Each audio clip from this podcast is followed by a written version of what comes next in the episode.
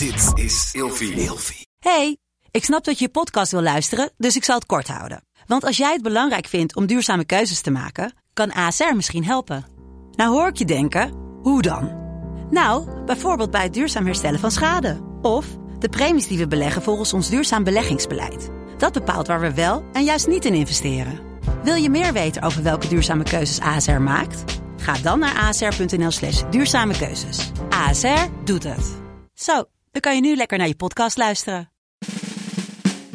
Wat leuk dat je luistert naar de podcast Seks, Relaties en Liefdes. De plek waar ik in gesprek ga met mijn gasten over alle onderwerpen waar eigenlijk veel te weinig over gesproken wordt. Dus luister, geniet en laat je vooral inspireren. Welkom bij een nieuwe aflevering van Seks, Relaties en Liefdes. En welkom Hannelore Zwitserloot. Dankjewel. De vrouw die overal wordt herkend aan haar prachtige stemgeluid. Ehm, wellicht de bekendste vrouwelijke stem van Nederland? Nou, de weet ik niet, maar wel een van de. Ja. Wie, wie zit in hetzelfde rijtje? Oh, dat vind ik ook weer heel moeilijk. Het ligt er bijvoorbeeld aan naar welke radiozenders je luistert. Want mensen, mensen die je heel vaak hoort, die herken je dan ook weer in andere dingen. En ik ben zelf nieuwslezer. Ik werk ook als voice-over. Heel veel andere mensen doen dat ook. En het is vaak als je eenmaal een stem herkent, dan hoor je hem ineens overal opduiken. Ja, ja want jij, eh, veel, veel mensen herkennen jou van eh, de, de, de nieuwsberichten. Je werkt momenteel, bij- werk je voor Veronica. Jij doet voice-overs, commercials. Maar natuurlijk ook de podcast Hannelore in je oren. Zeker. Waar wij als Ilvi ook sinds dit seizoen aan mee mogen Ja, werken. Ontzettend leuk. Ik vind het echt heel erg leuk dat je er bent. Eh, eerder mocht ik al te gast zijn in jouw podcast in het thema Maand van Bill in april.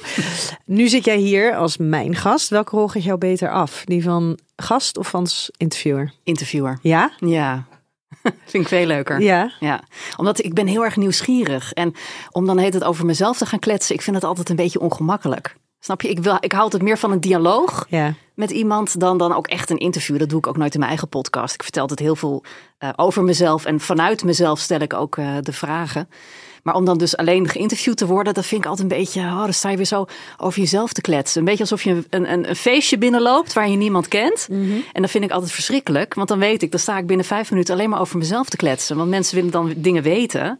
Terwijl ik echt denk, oh nee, vraag het nou niet. En wat doe je dan zoal als nieuwslezer? En hoe is dat dan als voice-over? Ik heb ook een goede stem. Denk je dat ik ook voice-over kan worden? Ja, dat is, Ja. En dan sta ik er net zo, ah.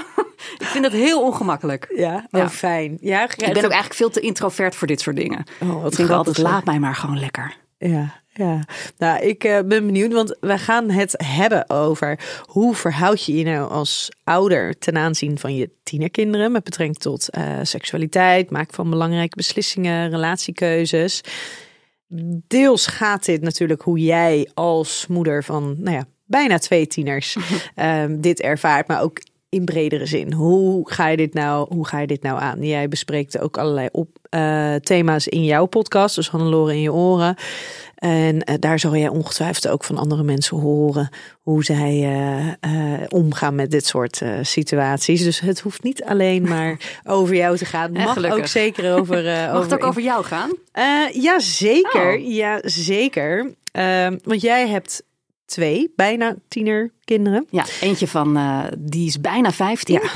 Als we dit opnemen, want ze is deze week jarig. En de ander die is 9 en die wordt in januari wordt ze 10. Dus ja, dan wordt het echt een huis vol met gierende hormonen, denk ik. Ja, en we vroegen ons net al eventjes af, wanneer ben je nou een tiener? Nou, in mijn beleving was dat dus altijd als je tien bent. Hè? Dan ben je tiener vanaf dan.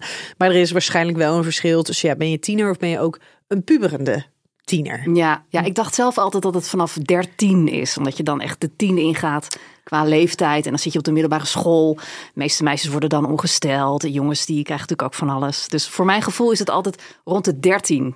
Maar ja, iedereen roept altijd vanaf 10. En dat is ook wel leuk natuurlijk.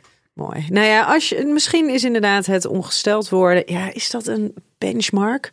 Ja, voor mij was het volgens mij wel echt op mijn tiende. Ja, ja onze, onze oudste ook net voor de 11e verjaardag. Dus eh, ja. Nou ja, we houden het in ieder geval ongeveer vanaf tien. Ja. En in ieder geval vanaf de periode dat je kind gedrag gaat vertonen.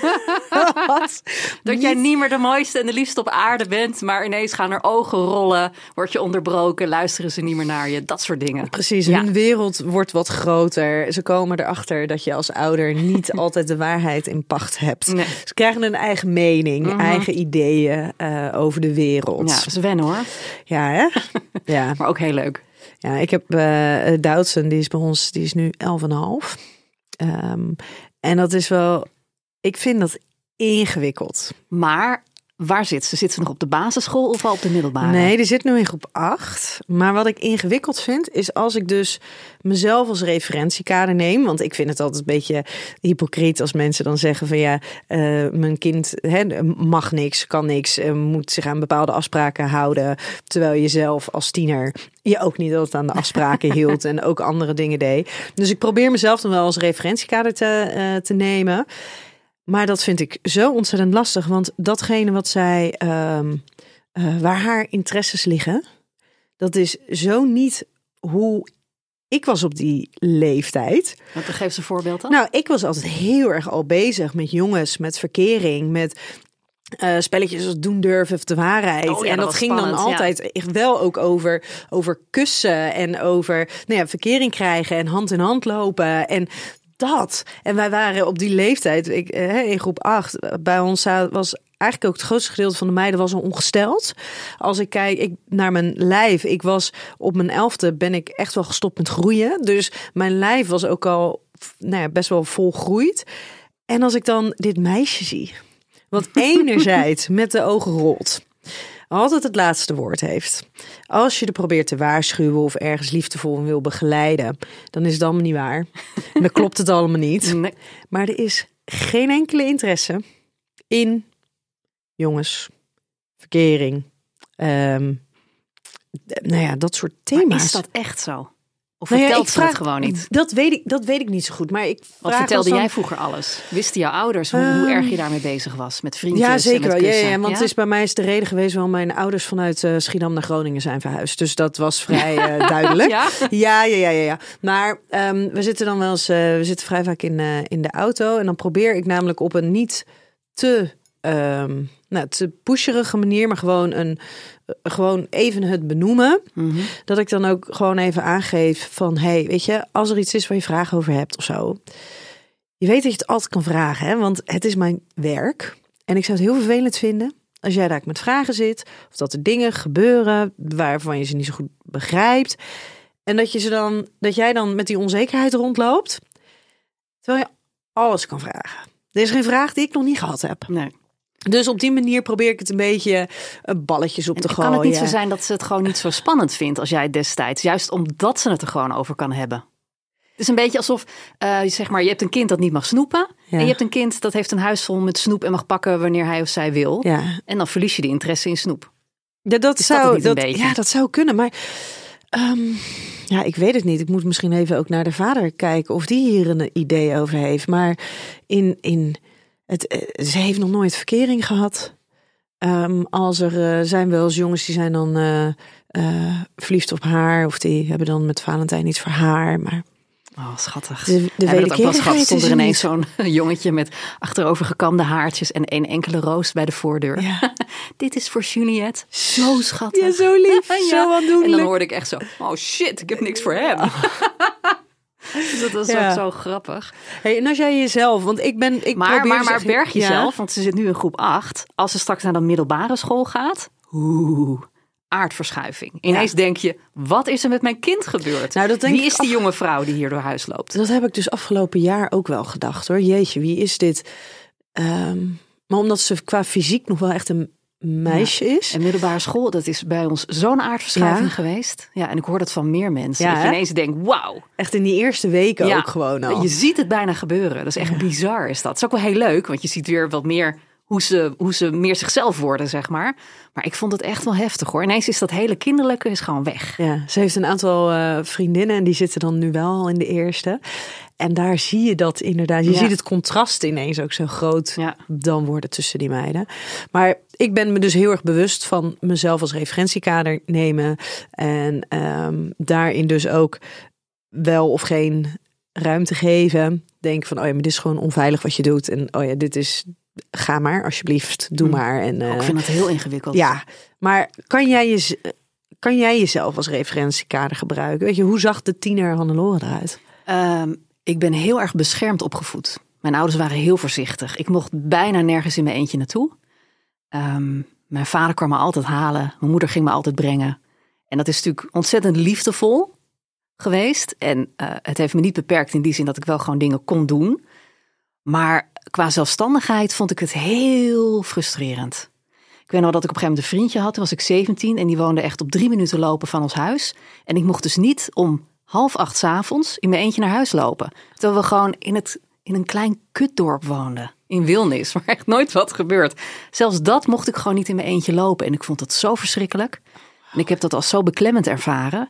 Ik mocht ook nooit naar Amsterdam. Dan gingen kinderen uit de klas. Ik zat in Amstelveen op school, want eh, voorheen woonden we daar in de buurt. Toen zijn we naar Wilnis verhuisd, maar ik bleef daar op de, op de school zitten.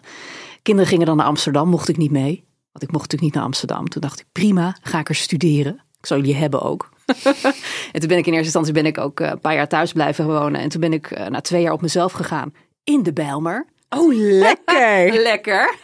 En mijn moeder zei wel, oh, je gaat wel op zelfverdedigingscursus hoor. Maar goed, dat vonden ze echt doodeng. Maar ik had echt zoiets van, eh, watch me, hold my beer, hier Ja, kom had, ik. had je wel het vertrouwen gekregen dat je bijvoorbeeld dan in de Belmar kon gaan wonen? Of vond je dat ergens ook wel, hoorde je dat Ik stemmetje? hoorde constant dat stemmetje. En dat wilde ik dus niet. Want ik vond het ook, ehm, zeg maar, ik, ik was als kind relatief slim.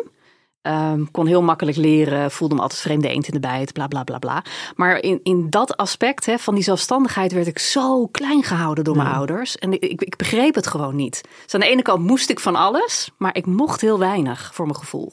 En dat vond ik heel vervelend. Maar ja, Ja. ik merk wel, dus nu mijn eigen, nu mijn eigen dochter dus eh 14, eh, bijna 15 is, dat ik elke keer denk als ze ergens heen gaat, oh nee. Maar gelukkig doe je opvoeden meestal met z'n tweeën. en mijn man die is echt super makkelijk. Die heeft zoiets van, ja joh, ga maar, we zien het wel. Kom, hey, wel binnen bepaalde kaders natuurlijk. Het moet wel verantwoord zijn. De lichten van de, de fiets moeten het doen. En ze moet precies op de afgesproken tijd thuiskomen of contact opnemen. Maar, maar ik vind dat dus echt, ik zit echt in de stress. Ja. En op een gegeven moment zei ze, mam, ik heb de oplossing. En ik denk, nou, ik ben benieuwd. Ze zei, ja, je hebt een app, dat heet eh, Live 360. En dan kan je precies zien waar ik ben. Handig, hè? Zei ik, en hoe doen we het dan? Ja, en dan eh, gaan we die installeren met het hele gezin. En dan zien we steeds van iedereen waar we zijn. Wil je dat? nou ja, dat was inderdaad de volgende punt. Ik denk, ja, eh, privacy.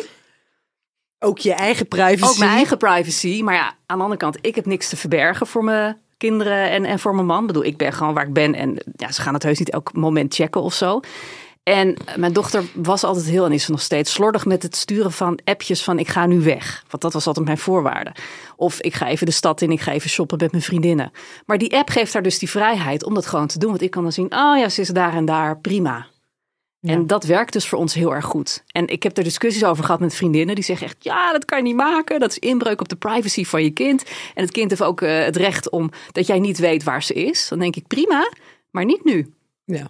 ja. Dus dat is voor ons een beetje de, de, de gulden middenweg op dit moment. Ja. Oh, ik vind het zo grappig. Ik heb dus van mijn ehm veertiende tot en met mijn achttiende ben ik elk weekend van. Want toen zijn we dus vanuit Schiedam zijn we naar Groningen verhuisd. Alleen ik bleef eh, sporten in Schiedam. En ik ben Slim. dus elk weekend van mijn veertiende tot mijn achttiende ben ik alleen met de trein heen en weer gereden. Vrijdagavond heen, zondagavond terug. Dus als je het hebt over vrijheid Mm. en, en ruimte geven, dan was dat daar wel echt op die manier. En, Ja. Maar ik had, ik was wel, ik was echt, als je het hebt over, ehm, ja, ik weet niet of het grenzen opzoeken, maar dan zei mijn moeder bijvoorbeeld, je moet om twee uur s'nachts thuis zijn. Ik danste heel veel in Groningen en dan, gingen dan moesten we ook in het, eh, of we trainden tot twaalf uur s'avonds of we hadden een, een, een, danswedstrijd of zo. En, of of eh, een battle die dan tot s'nachts duurde. En dan zei ze, je moet om twee uur thuis zijn. En ik wist, mijn moeder die kan niet slapen totdat ik thuis ben. We hebben om twee uur afgesproken wat ik doe. Ik stuurde om twee uur een berichtje. Mam, ik ben onderweg. maar dan zat ik ook nog maar twee minuten op de fiets, zeg maar. Ja, Terwijl ik dus ja. eigenlijk moest ik om twee uur thuis zijn. Maar ik dacht, nou, dan stuur ik in ieder geval om twee uur een berichtje. Oh ja, ik dit- ben dit, onderweg. Dit gaat mijn dochter ook doen. Ja. Ja, prima. Ja. Ja. toch? En afgelopen weekend was ik eh, met mijn ouders weg. En toen ehm, had mijn moeder het erover dat ze altijd bang was. Dat ik was altijd zo goed van vertrouwen in de wereld. Ik had zoveel vertrouwen in de wereld. Ik had altijd vertrouwen, het komt wel goed. Ik zag gewoon, ik zag het gevaar niet. Ja. Dat zij was altijd heel erg bang dat ik daarin dus eh, teleurgesteld zou raken. Dus ze gaf me de ruimte, maar zij is dus altijd bang geweest dat daar het op een gegeven moment mis zou zijn Ja. gaan. Ja. Ja, Nee, dat, dat snap ik. Dat begrijp ik heel goed. ja. Ja, ik had zelf altijd, al vroeger als ik eh, op vakantie ging, dan dacht ik, oh, er gaat iets verschrikkelijks gebeuren. Het vliegtuig stuit neer, we, worden, we stort neer, we worden overvallen, eh, weet ik veel wat. Echt, dat ik echt bijna een afscheidsbrief aan mijn ouders schreef, die ik dan thuis liet liggen. Bizar natuurlijk. Zo bang was ik vroeger om dan eh, echt erop uit te gaan. Oh, En dat ga ik mijn kinderen echt niet aandoen. Nee, nou, ik ben dus afgelopen weekend meegegaan met mijn ouders, omdat mijn vader die was al in eh, Istanbul en mijn moeder die zou daar ook heen gaan. Maar mijn moeder die raakt dus zo in de stress van reizen dat ze heeft gevraagd of ik meeging om haar te begeleiden in het reizen. Dus bij ons een soort van omgekeerde wereld. eh, Wat goed. ja. Hey, maar wij gaan, ehm, ehm, wij gaan het dus eigenlijk hier een beetje over hebben. Over hoe verhoud je je dan als ouder naar je kinderen toe? En wat neem je daarmee uit je eigen ervaringen? Eh, wat doe jij ook wat je ouders doen? Maar welke keuzes maak je juist anders? Omdat je ouders die op een bepaalde manier hebben gemaakt, het op een bepaalde manier invulden. En dat je daar eigenlijk misschien wel heel veel last van hebt gehad. Maar eerst ga ik eh, jou vragen welke vijf woorden voor jou gaan over seks, relaties en liefdes. Oeh, vijf woorden. Mhm. Ehm, ik ga als eerste zeggen knuffelen. Want moet ik het nog toelichten? Of gewoon alleen absoluut. vijf dingen roepen? nou, knuffelen. Eh, Wij, wij knuffelen thuis heel veel. Ik knuffel heel veel met mijn kinderen. Ik vind dat heel belangrijk, dat, dat fysieke contact. Ehm, ik heb een keer ergens gelezen dat je acht knuffels per dag nodig hebt. Nou, daar komen wij wel aan. Ehm, en ik, ik vind het zelf ook heel fijn om, om te knuffelen. Dat is ook echt mijn eh, liefdestaal. Als in zo Mhm. laat ik zien dat ik heel veel van ze hou. Eh, dus knuffelen is voor mij het eerste. Ehm, tweede is denk ik vertrouwen. Eh, ik, ik kan mijn man echt blind vertrouwen en hij mij. En dat, dat vind ik ook heel belangrijk, dat het, dat het vertrouwen er is. Ehm, geborgenheid. Mhm. Ik merk dat ik een beetje binnen het thema kinderen blijf. In plaats van echt eh, de, de keiharde sekskant of weet ik veel wat. Omdat we daar natuurlijk vooral over hebben. Hè? Ehm, eh, maar dat dus. Dat je, dat je je veilig voelt bij iemand. Dat vind ik heel belangrijk. En eh, dat je ook weet als kind dat je in principe alles tegen je ouder kan zeggen. Dat je niet zal veroordelen. En dat is natuurlijk ontzettend moeilijk. Want stel dat, dat de oudste ineens komt met... mam, ik ben zwanger. Dat je weet van oké, ik moet nu eerst tot tien tellen en pas dan reageren. Eh, maar dat ze wel die veiligheid voelt. Ik heb ook met haar afgesproken, ik heb dat ook een keer ergens gelezen op Instagram, dat als ze ergens in een situatie is, een sociale situatie, en daar wil ze weg, omdat het voor haar niet veilig voelt, of door de groepsdruk dat ze voelt dat ze, dat ze dingen gaat doen waar ze niet achter staat, dan kan ze mij een, een X appen. En dan ga ik haar bellen. En dan ga ik vol in de paniekmoederstand. dus eh, je moet nu naar huis komen, want dit en dat en dat. En je Mhm. komt nu, die kom je nu halen. En dan ga ik er gewoon halen. Mhm. En dan ga ik er niks vragen. Dus ze hoeft niet uit te leggen waarom ze daar weg wilde, wat er aan de hand was. Wat een goeie. Gewoon geen vraag, ik ga er gewoon halen. En dat vind ik dus heel belangrijk. Omdat ik dat, ik had dat zelf ook wel vroeger wel willen hebben, die escape. Maar juist omdat ik niks aan mijn ouders kon vertellen, omdat ik wel een beetje de grenzen opzocht, kon ik dus ook niet uit die situaties. En dan denk ik, ja, dat ga Want dan ik wel echt zouden ze anders je betrappen in een situatie Precies, ja. waarin je niet had mogen zitten, Ja. als het ware. Ja. Terwijl je dan op dat moment misschien dingen doet die je helemaal niet wil. Nee. Waar je niet achter staat. Dus daar wil ik haar wel voor eh, behoeden. Dus dat zeg ik ook tegen haar. Van joh, eh, laat het gewoon weten en ik kom je halen. En het Ja. is helemaal oké. En ik zal geen vragen stellen. Nou, oké, dan heb ik er drie. Ehm, ik vind dit heel lastig. Kan je, kan, je, kan je proberen iets meer, ook al is het maar op relationeel gebied, iets meer te bewegen naar de relatie tussen jou en je partner? Ehm, ik denk dat ik als vierde woord rust ga zeggen. Omdat eh, wij zijn nu, te denken, we zijn in 2003 zijn we getrouwd. Twintig jaar. We zijn twintig jaar getrouwd. Daarvoor hadden we al zeven jaar verkering. En we kenden elkaar al sinds de brugklas. Dus dat is gewoon heel steady.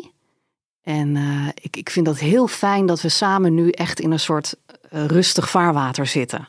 In onze relatie. Want hè, dat weet je ook, als de kinderen klein zijn, dan ben je met alles behalve met jezelf bezig. En ik kom nu wat meer aan mezelf toe. En ik vind het heel fijn dat, dat de relatie zeg maar zo goed is. Dat ik weet van ja, ik, ik kan nu mijn eigen dingen doen, mezelf weer wat meer ontwikkelen. En hij is daar en we, we gaan gewoon samen verder groeien. Dus dat, dat geeft mij heel veel rust. Ja. Dat, dat het geen gedoe is. Want ik ben nu eh, eind 40. Heel veel mensen in mijn omgeving die liggen in scheiding. Nou ja, en eh, zien scheiden doet scheiden. Hè? Dan ga je jezelf ook afvragen van hoe goed is mijn relatie eigenlijk. Maar we hebben echt samen een soort rust gevonden. En dat vind ik heel prettig. Omdat er voor de rest zoveel gaande is in mijn leventje. Hij is echt mijn, mijn baken wat dat betreft. Ja. En kijk je er ook naar uit om ehm, jullie relatie weer verder te ontwikkelen op het moment dat zeker ook de jongste ook weer wat ouder is? Ja, ja, dan gaan we echt in de lampen hangen samen. Hebben we Ja? ons voorgenomen. ja, maar dat moet ook wel. Uiteindelijk, weet je, het, het is natuurlijk altijd in een relatie een soort golfbeweging. Dus nu zitten we even in heel rustig vaarwater. En dat, dat gaat ook wel weer komen, dat weet ik zeker. Maar het is gewoon nu even lekker even eh, op de plaats rust. En dan daarna dan gaan we gewoon kijken. En dan gaan we weer wat meer dingen met z'n tweeën doen. Samen reizen, dat, dat soort dingen. Alle, allerlei dingen waar je normaal niet aan toe komt als je kinderen nog klein Ja. zijn. Dus daar kijk ik wel heel erg naar uit. Hey, en de laatste? Ehm.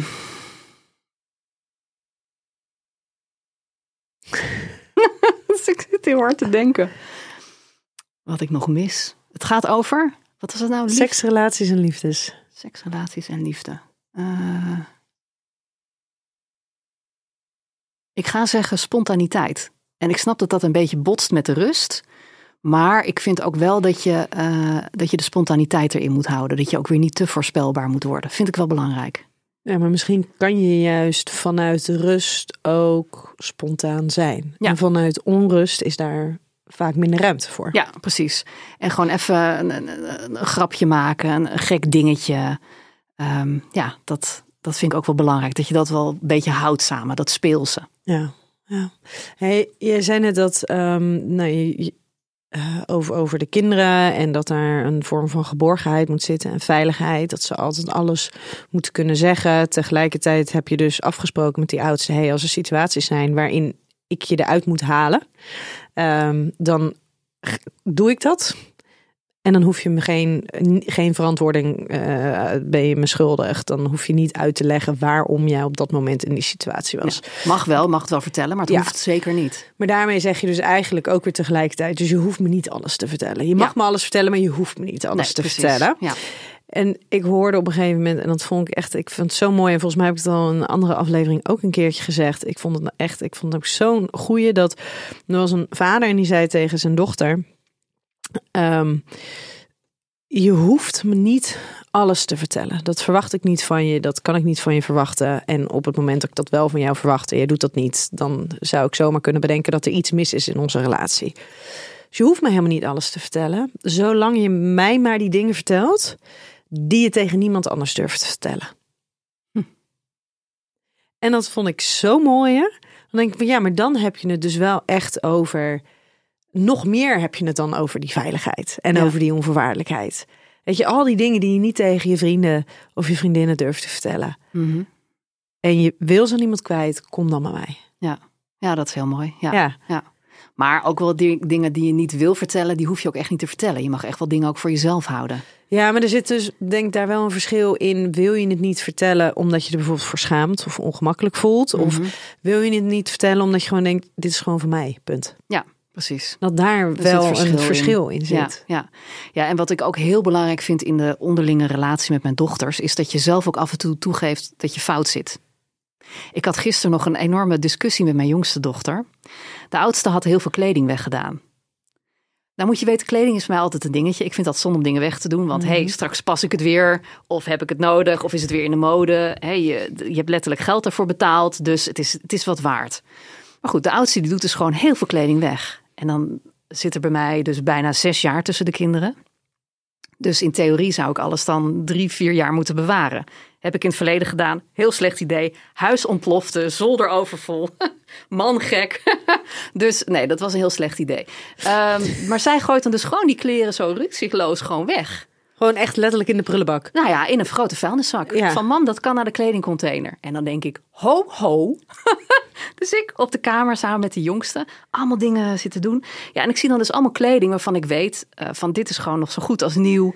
Eh, het is nu misschien even uit de mode, maar over twee, drie jaar komt dat weer gewoon terug. En dan wil zij dat ook hebben. En de jongste wilde dat dus allemaal wegdoen. En ik werd daar De jongste zo- of de oudste? de jongste. Oh, de jongste wilde Die het ook die wegdoen. wilde dat ook niet hebben. En ik dacht echt, ja, krijg nou wat. En toen schoot ik echt in zo'n modus. Ja, en mama maar werken. En weet je wel, het kost allemaal geld. En nu vind je het niet leuk, maar over een paar jaar wel.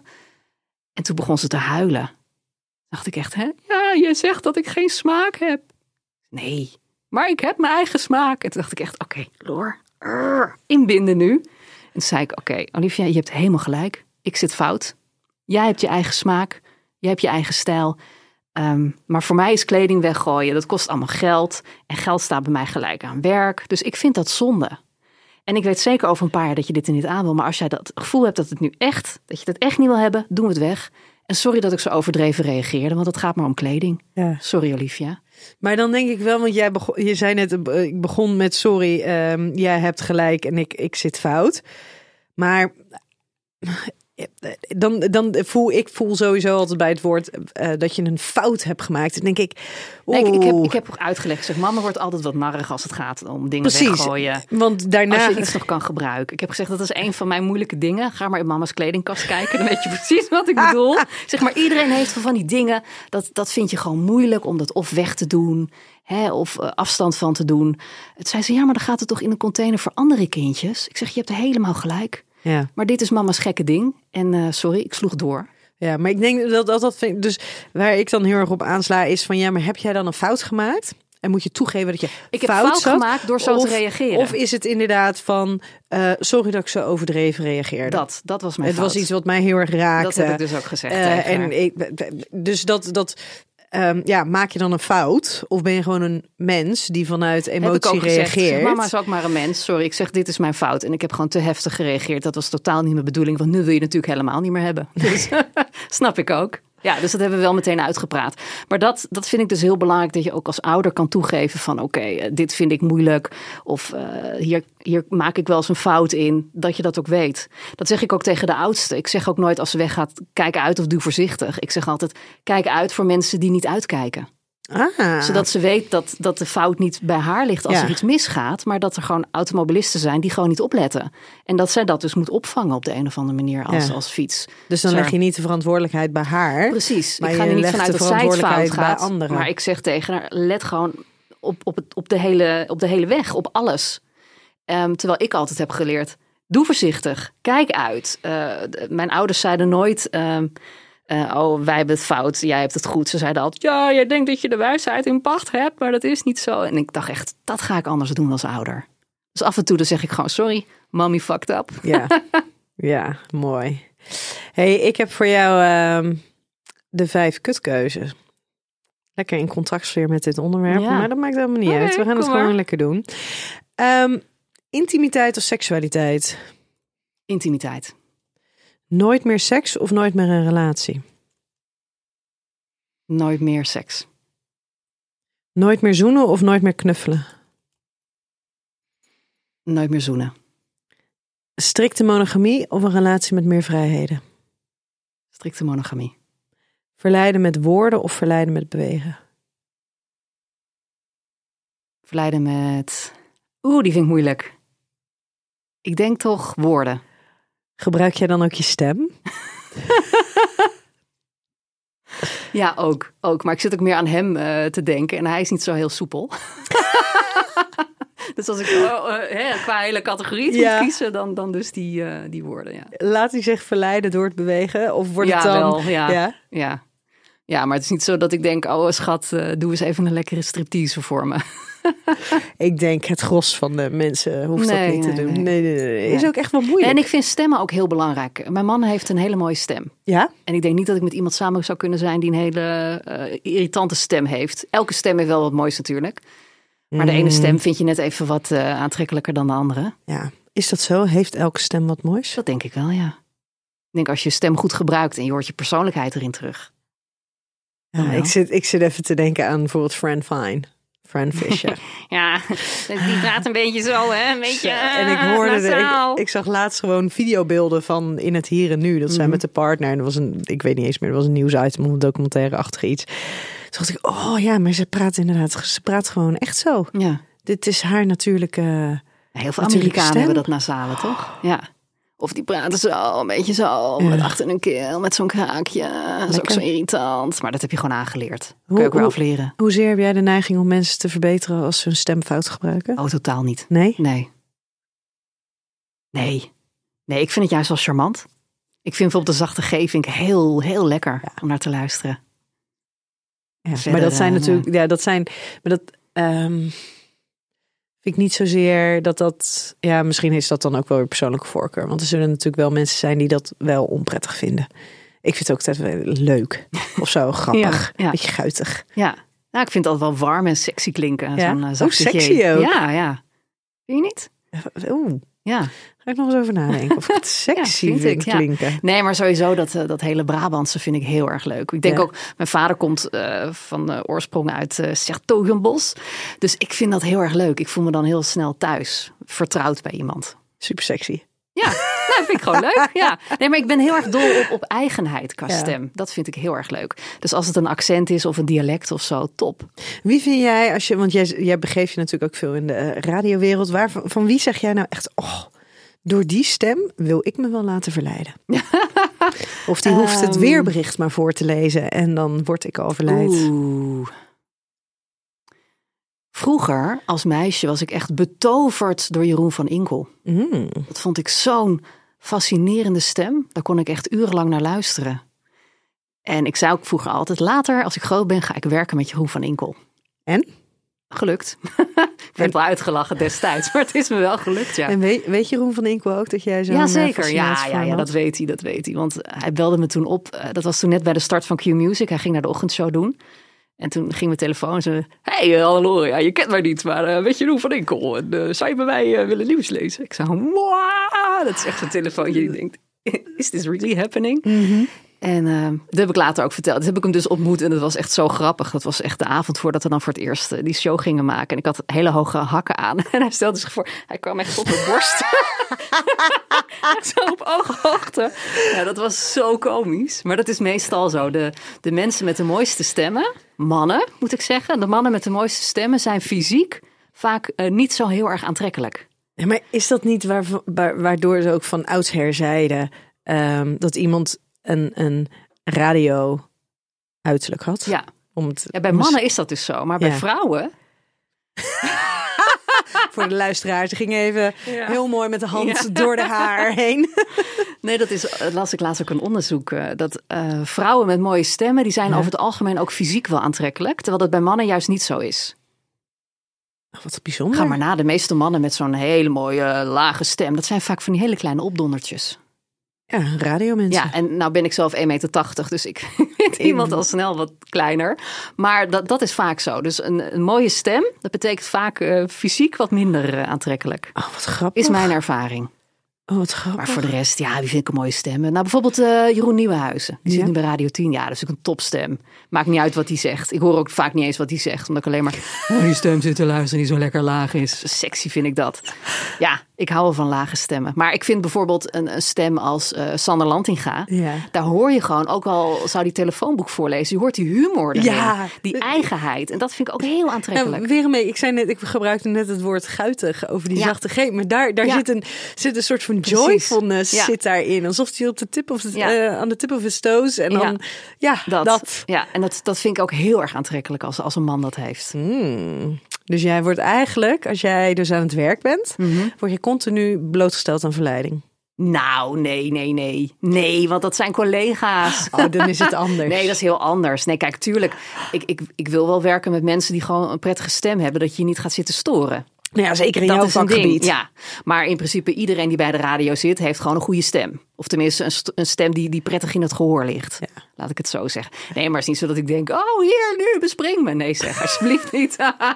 dat zou het werk wel heel ingewikkeld maken, denk ik. Ja, gelukkig, gelukkig. Hey, ik heb eh, eh, vijf stellingen voor jou. Ja, wat ik me nou afvroeg, hè, want jij, jij gaf van nee, tijdens die vijf woorden zei je al van, hey, we zitten nu zo in die kinderen, dus als ik die woorden moet bedenken, dan, dan gaat dat vooral ook in relatie tot die kinderen.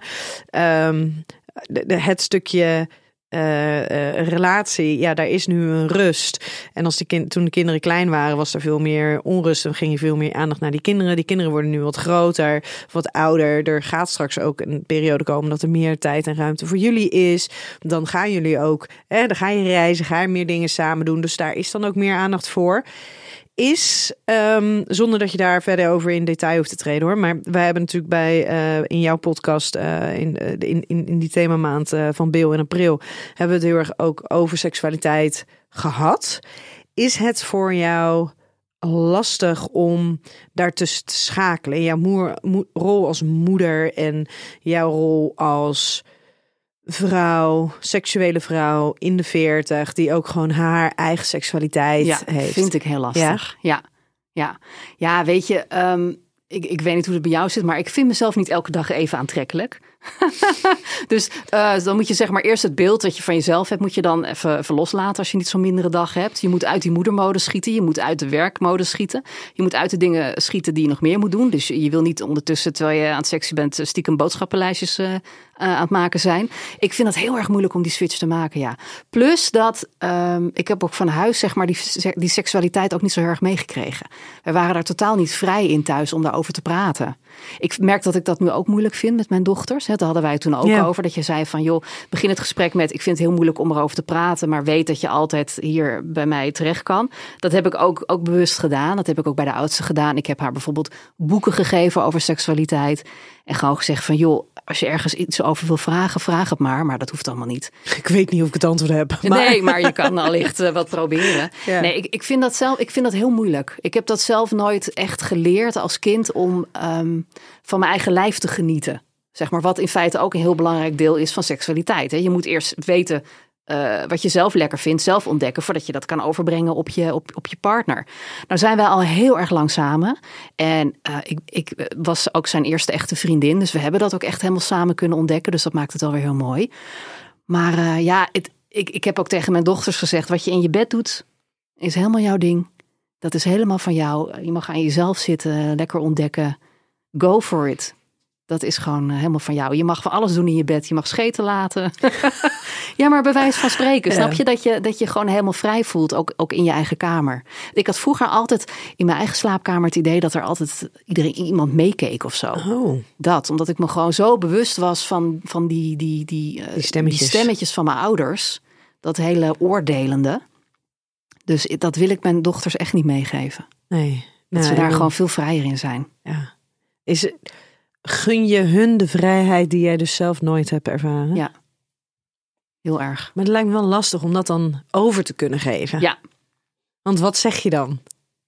Ja, ik weet het niet. Ik, ik heb uh, daar met de oudste echt wel goede gesprekken over gehad toen ze de eerste echte serieuze verkering had. Dat ik zei van goh. Uh, uh, en ik hoorde ook op een gegeven moment als hij dan wegging dat ze dan aan het zoenen waren in de gang. Ja, ik vond het echt super schattig. ik moest me echt inhouden om niet te gaan kijken stiekem.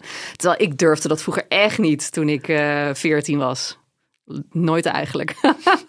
dus nee, dat vond ik wel heel leuk. En ik heb er ook met haar over gehad van joh, en uh, zit, praten u al over seks of hoe ver jullie gaan? Ja, maar daar hebben we het over gehad, mam.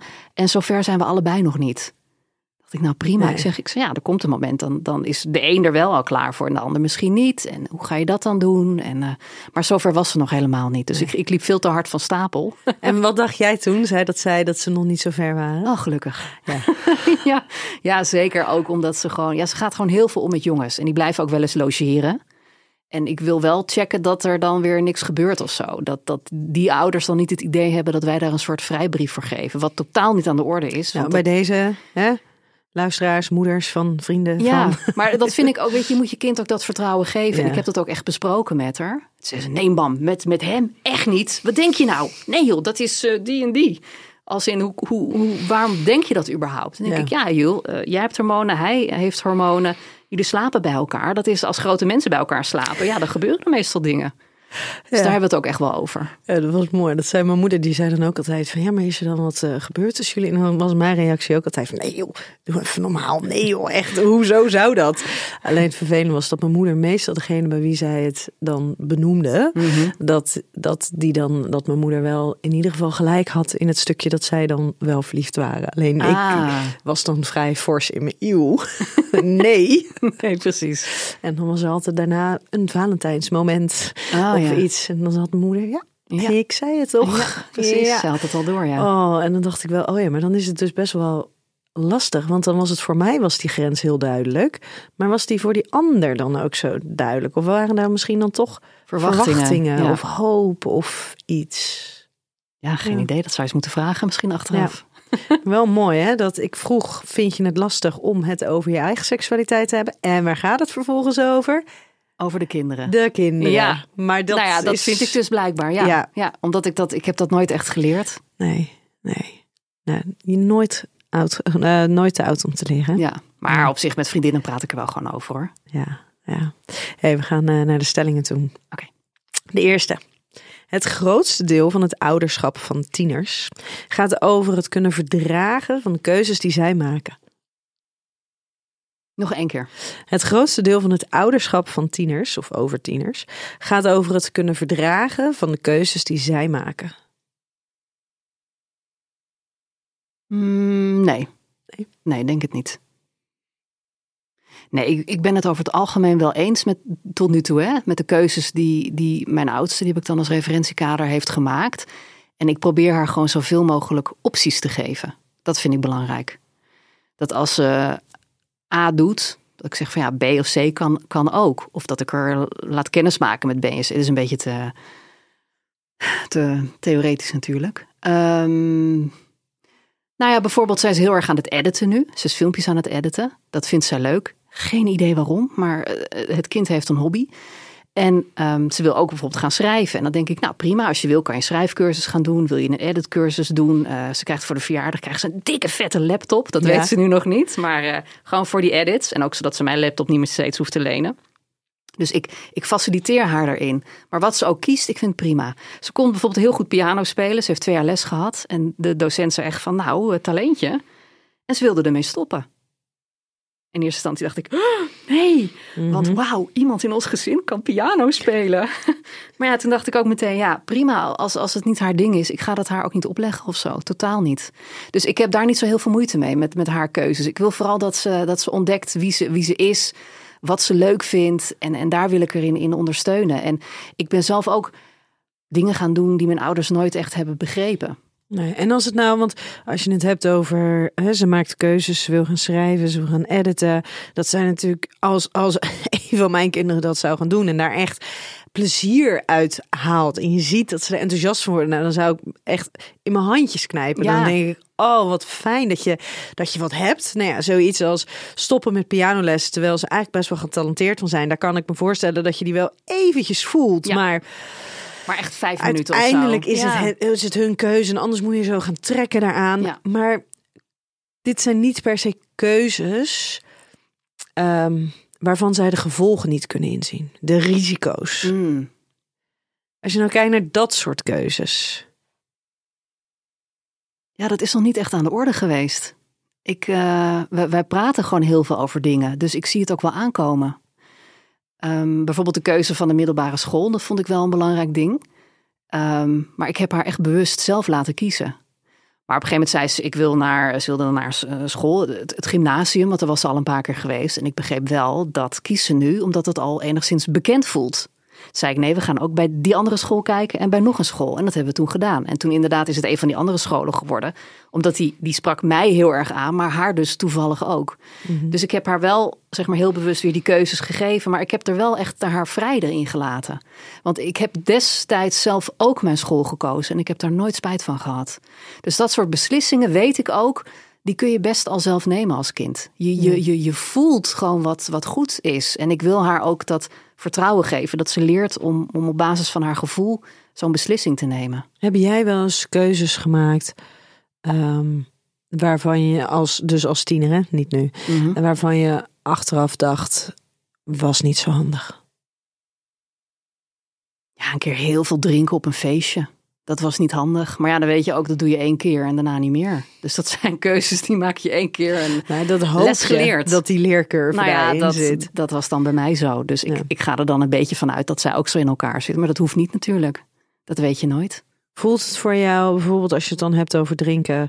ehm, toen wij 16 waren, mochten we, het, mochten we gewoon al drinken. Eh, nu is die leeftijd natuurlijk ouder, eh, naar, naar, ja, hoger, ouder. Uh, vind jij dat geruststellend of geloof je daar niet zo in? De meerwaarde. Ik vind daarvan? dat wel geruststellend. Maar ook vooral omdat ze zelf zegt van. Uh, jongens, uh, ik ga dus niet roken hè, tot mijn achttiende, maar dat vinden jullie toch wel wat waard? ja. En dan zeg ik, wat, uh, hoezo dan? Ja, andere kinderen krijgen dan een rijbewijs van hun ouders of een auto. Ik zeg, nou, dat zien we dan. Ik zeg, ga er gewoon vanuit dat jij niet, dat niet gaat doen. Je wilt geen kanker krijgen of zo. Doe normaal. Um, en, en met drinken net zo als zij uh, mij wel eens heel af en toe een glaasje port ziet drinken, nou dan vindt ze daar wat van. En de jongste zegt ook: nee, mama, niet doen. Geen alcoholist worden. Omdat ze dat een soort beeld is wat ze daarvan ja. hebben. Dus ik weet niet uh, wat er met mijn kinderen is, maar daar, daar gaan ze echt, hebben ze totaal geen, uh, geen interesse in. En um, mijn oudste heeft ook een keer verkering gehad die uitging, omdat die jongen enorm aan het vepen was. En dat vond ze al heel vervelend als in, ze wist gewoon, ja, dat is heel slecht voor je. Maar hij loog daar dus over tegen haar. En dat trok zij dus niet. En dat heeft ze toen dus ook gezegd. Ja. Maakt, het maakt me niet uit dat je veept of niet. Um, zolang je maar niet doet waar ik bij ben. Maar dat je daarover liegt in mijn gezicht, dat vind ik niet oké. Okay. Ja. En we kunnen zo niet uh, samen verder. Oh, netjes. Dan denk ik echt, wauw. Wow. Iets is hier heel goed gegaan. Ja, ja dus dat, nee, dat, dat, dat heeft zij niet zo. En weet je, en als het wel komt, tuurlijk ga je experimenteren. Maar ja, ik, ik kan haar alleen uitleggen waar ik zelf spijt van heb gehad. En waarom ik zelf bepaalde keuzes heb gemaakt. En voor de rest, ja, het is haar eigen weg die ze moet vinden. Ja. Hey, en als je nou bijvoorbeeld... Um... Uh, uh, het hebt er over... komt nu een stoute vraag. Ik zie het nou, nee. nee. Dat viel, oh. Eigenlijk was het een hele brave oh. vraag. Maar ik, ik heb... Ondertussen zit je aan dingen te nou, denken. ja, ik zat laatst... Ik, ik, um, gaat dus bijvoorbeeld over, over het, het geven van ruimte aan je kinderen. En die kinderen die hadden allebei... Dus en die van zes en die van elf... hadden allebei zelf hun kleding uitgekozen. Maar we gingen ergens heen. En toen dacht ik... Oh jee. Zij hebben dit dus nu uitgekozen om aan te doen. Die ene ziet eruit als een uh, uh, als John Lennon. uh, de andere ziet eruit als, nou ja, een of andere verdwaalde fashionista ergens om uh, zes uur op de zondagochtend.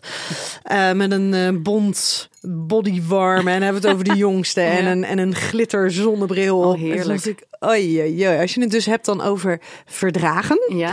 van de keuzes die zij maken. Die, maar ja. wat, wat, was de gelegenheid? Kijk, als je zo naar een begrafenis gaat, dat nee, kan niet. volgens mij gingen, we, volgens mij gingen we ergens wat drinken in de stad op het terras. Prima, toch? Toen dacht ik, oh ja, ja. ja. Um, ga ik hier nu wat van zeggen? Ga ik ze nu andere kleding aan laten doen? Mhm. Mm. Of geef je ze inderdaad de ruimte? Doe aan wat je wil. Ja. Succes. En wat Mij heb je heb je gedaan? er niet aan. Ik heb het gelaten. Um, maar ik, ook onder het mom, het is hartstikke goed dat ze een eigen stijl ontwikkelen. Maar er is wel een verschil tussen een eigen stijl ontwikkelen en eigenlijk gewoon echt geen smaak hebben. En echt totaal geen gevoel hebben voor datgene wat je samen, of wat ze, wat ze aan, ja, uh, aandoen. En dat je denkt, oh, moeten ze daar dan niet ook een klein beetje begeleiding bij hebben? Ja. En die voelt daar, dus het was helemaal geen ondeugende Nee, vraag, maar dat maar- was even een, voor mij was dat wel even een verdragen dat. Ja. En een andere verdragen dat is bijvoorbeeld, eh, die vind ik ook heel ingewikkeld, dat ze dan eh, met vrienden afspreken of met, met vriendinnen. En dat ze dus alleen maar op hun telefoon zitten. Ja. En dan denk ik, oh ja, het is de leeftijd. Ja, dat is vind ik wat ook heel stom. doen. Ja. Waar trek je de grenzen? Zeg je, hey, Ja. het is nu even klaar, ga even wat anders doen. Mhm. En wanneer, waar zeg je van, oh ja, dit, dit hoort er, dit hoort erbij. ja, nou ja, je kan het eh, op zijn minst suggereren dan, toch? Ja, maar ik, ik denk dan ook af en toe, jeetje, ik wil niet degene zijn die continu. maar die grenzen stelt, continu zegt, het Ja. is klaar. Ja, maar dat, dat is toch ook je rol als opvoeder? Dat je ze een beetje begeleidt. Ja, Dat je ze op dingen wijst. Dat je... eh, Kijk, als je ergens net, netjes op visite gaat en dan dat je zegt van joh, je hebt een broek aan met allemaal gaten. Ik vind het prima, maar andere mensen vinden dat vaak niet zo netjes. ja, maar dat doen hun ouders ook. Ja, wat voor ouder wil je zijn? Ja, ik ben altijd meer voor de gulden middenweg. Dan zeg ik van joh, hartstikke leuk dat je hebt uitgekozen. Maar als je daar nou die, die broek bij aandoet, dan vind ik het echt geweldig wat je aan hebt. Wauw. Ja. Ja, dan doen ze dat meestal wel. Ja. Ja, de jongste, de oudste niet meer hoor. Die trekt gewoon aan wat ze zelf aan wil. Ja, bij ons ook hoor. En Ja, De jongste ook Die al. gaat ook wel eens naar school met een heel diep decolleté. En dan denk ik, oké. Ja. Nee, die oudste, die, die kan je nog wel dat je er zegt van, oh ja, dat je kleren klaarlegt en die, die, die accepteert dat dan Oh ja, ja. wel. ja, dat is mijn oudste ook heel lang geaccepteerd. Maar de Ja, jongste, die, die doet het jongste al echt wel- niet. Nee. nee, die zegt ook, mam, ik heb mijn eigen stijl en dit is niet mijn stijl. Grappig hoe Ja. dat werkt. Ja. Heerlijk, toch? Ja. Terwijl vroeger mijn opa en oma zeiden dan tegen mijn ouders, ze moet wel de haar kammen. En dan zei mijn moeder, ja, oma eh, komt en ze zei laatst dat je wel je haar moest kammen, dus kam je haar maar. Ja. Ja, vond ik echt niet tof. Dan denk ik, zeg het dan tegen mij. Nou, dat is wel. Mijn moeder die zei altijd van ja, maar als je je haar los hebt, dan wordt het zo slierterig. Gaat het zo Mm. voor je gezicht hangen. En hij heeft ons zoontje heeft lang haar en daar zit het inderdaad. Als ik dan hem zie spelen en zo, dan zit het voor zijn haar. Dus dan denk ik wel, oh ja, even naar achter, het vast doen. Maar bij die oudste denk die die wil het dan los. En dan denk ik, oh nee, ik vond het altijd heel vervelend dat mijn moeder zei dat ik mijn haar vast moest doen. Ehm, dus ik laat, ik ga er niks van zeggen. Nee. Als ze, het, als ze er hinder van heeft, dan gaat ze het vanzelf doen. Ehm, en ja, dus daar ben ik, in- dat is Ja, een ja. van die dingen dat ik me heel bewust ben. Oh ja, ik ga dus haar niet vertellen dat ze de haar vast moet doen, dat dat leuker staat. Grappig hè, dat we het altijd beter willen doen dan onze ouders. Oh man, maar ook wel ingewikkeld Ja. hoor. Ja. Hey, de volgende. Hoe meer je je mengt in de keuzes die je kinderen maken, des te meer ze de verantwoordelijk van hun falen bij jou neerleggen. Eens. Ja, als ik zeg je moet naar die en die school en die school die blijkt gewoon eh, heel stom te zijn. Ja, logisch dat ik dan een beetje de schuld krijg ook. Daar moet je ze ook vooral vrij laten erin. Ja. ja, maar hoe kan je ze dan. ehm trek is als ik dan, als ik bij de jongste, als die keuzes zou maken, die heeft een enorm gevoel van: eh, dit vind ik echt onwijs leuk. En dan gaat hij er helemaal voor. Mooi. Dus ik voel nu al dat als hij een keus maakt, dat hij dan heeft over nagedacht. Mhm. Hij is zes, hè? Dit is wat hij wil doen. Nou, kan je hem niet van afbrengen. Nee. Maar ik merk dus dat ik bij die oudste, dat ik dat ingewikkelder vind. En dan vraag ik me dan, dan- en daar dus inderdaad ook weer dat balanceren tussen Mhm. van ja, maar moet je die dus dan verdragen? Of ehm, is dit inderdaad, kunnen ze nog niet overzien wat de gevolgen van die keuze zijn? Ja, nee, dat kan je dan uitleggen. Toch, dat is jouw rol als opvoeder. Ja, Dat je zegt van joh, jij wil nu heel erg dit. Maar dit en dit en dit zijn ook de opties. En het is mijn ervaring dat als je dit doet, dan gebeurt dat. Eh, ja, dat is ook vanuit jouw levenservaring. Dus ik vind ook zeker dat je je kinderen dat mee wil geven. Maar ze dan vervolgens wel vrij moet laten om, om te vertrouwen op hun eigen gevoel. ja. Maar wanneer, wat, wat, hoe kan je ervoor zorgen dat je, ehm, dat je dat vertrouwen meegeeft? En Door op- te benoemen als, als ze op hun eigen gevoel een eh, beslissing hebben genomen. En dat heeft goed uitgepakt door dat ook te benoemen. Ja. Om maar weer het voorbeeld van die school aan te Ja. geven. Dat zeg ik ook echt vaak tegen de van goh, eh, wat heb je toen een goede keuze gemaakt? Wat fijn dat je op je gevoel vertrouwde. Heb ik echt al een paar keer heel bewust tegen haar gezegd. Ja. Waardoor zij ook weer dat zelfvertrouwen krijgt van oh ja, ik mag mijn eigen keuzes eh, maken. En eh, als het voor mij goed voelt, kan ik daarop vertrouwen. En voelt het niet goed, ja, dan ga je weer wat anders doen. Weet je, er is ook niemand dood of zo. Dus ik geef daar echt zelfvertrouwen daarin. Ja. Wat ik dus destijds ook niet van mijn ouders heb gekregen. Ik heb wel uiteindelijk mijn eigen ding gedaan. Maar ze hadden echt zoiets van, joh, prima, eh, zoek het uit. Weet je het allemaal heel zeker? Wat moet je nou met die radio? Maar ze hebben me wel gesteund, als in dat ze me steeds brachten en haalden en zo. Ja. ja, en ik vind het dus ook zo grappig dat als je het dan over dat stukje vertrouwen hebt. Ehm, ik, ik merk dus voor mezelf, ik ben daar echt wel bewust mee bezig. En dus ook bewust mee, mee aan het nou ja, worstelen. En ik bespreek dat dan niet altijd met, eh, eh, met Ramon. Maar dat is wel echt iets wat, wat, nou ja, waar ik bewust dus mee bezig ben. Ehm, maar dan, volgens mij worstelt hij daar minder in. Ehm, maar bijvoorbeeld vorige keer waren we ergens en ehm eh, wij, wij, ja, Doutzen die zat nog ergens en die was nog ergens mee bezig. En ehm, wij zaten alvast eventjes eh, op het terras. En ik zei tegen Doutzen, ik zei nou, ik ga vast naar papa toe. En dan ehm, eh, kom jij daar zo heen als je klaar bent. Oh ja hoor, is goed. Was, nou ja, pak een beetje 50 meter verderop. Rechtstukje. Niks aan de hand. Heel goed te doen. En ja. ik kom daar aanlopen. En Ramon die schiet een soort van in de paniek. Maar hoe kon je haar dan daar achterlaten? Want dan moet ze dus zo alleen hierheen. En dat vond ik zo bijzonder. Dat dus ehm, hoe je daarin dus kan verschillen en op verschillende aspecten toch moeite kan hebben met dingen. Tuurlijk. En als je de een dus bij, de, bij het een, want ik heb echt, ik heb, nou ja, ik heb alleen maar gezegd, hallo, dat meisje, dat is, nee, dat is de hartstikke, dat is ruim elf, die kan dit stukje, ze komt hier zo vaak, ze kan dit echt makkelijk. Ja. In de, ik heb niet eens getwijfeld of gedacht aan dat er een mogelijk nou ja, risico of, of, of iets in zou kunnen zitten. En dat dan voor haar vader, dat dat dan net eventjes weer Ja. anders werkt.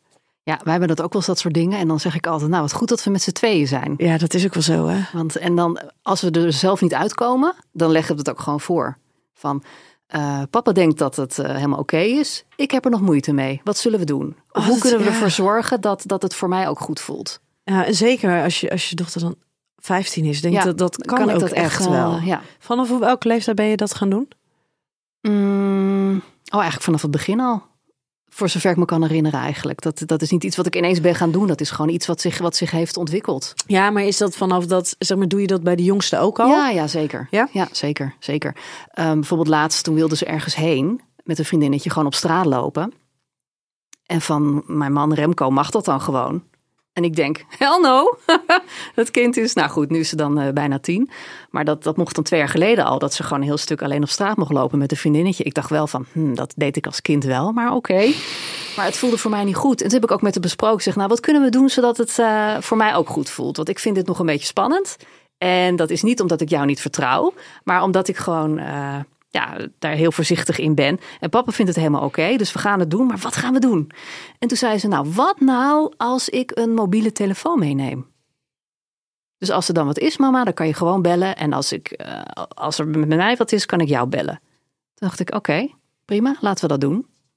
Ja. Dus zij voelde wel dat ik er vertrouwen in had dat het goed ging. Maar het dat, mag wel. dat het toch ook wel een lifeline terug was. Ja, dus het mag wel, maar hoe Ja, gaan we het dus doen? dan gaan we gewoon een beetje discussiëren van hoe kunnen we het doen zodat het voor iedereen goed voelt. En natuurlijk hoef je niet alles eeuwig te bediscussiëren. En soms zeg ik ook gewoon nee. Want hier krijg ik stress van, dus dit doen we niet. En als ik er niet ben, dan zeggen we dan prima, ga maar, doei. Hè, dat, dat is dan ook de dynamiek die je hebt als gezin natuurlijk. Maar dat, ja, wij proberen dan wel naar een oplossing te zoeken. Vandaar ook die Live 360 app. Sommige mensen vinden dat echt spastisch, dat je constant ziet van elkaar waar je bent. Maar wij vinden dat gewoon helemaal oké. Geen enkel probleem. Ja, En misschien dat ze het wel een probleem gaat vinden als ze 18 is. Maar ja, dan hoeft het ook niet meer. als het goed is niet. Nee. En ik heb er ook voor de keuze gesteld. Of je stuurt elke keer een appje met wie je bent en waar. Of we doen die app. Nou ja, Ja. dan dat laatste. Ja. Hey, de volgende. Als ouder of verzorger heb je het recht om je zorgen uit te spreken over de partnerkeus van je kind.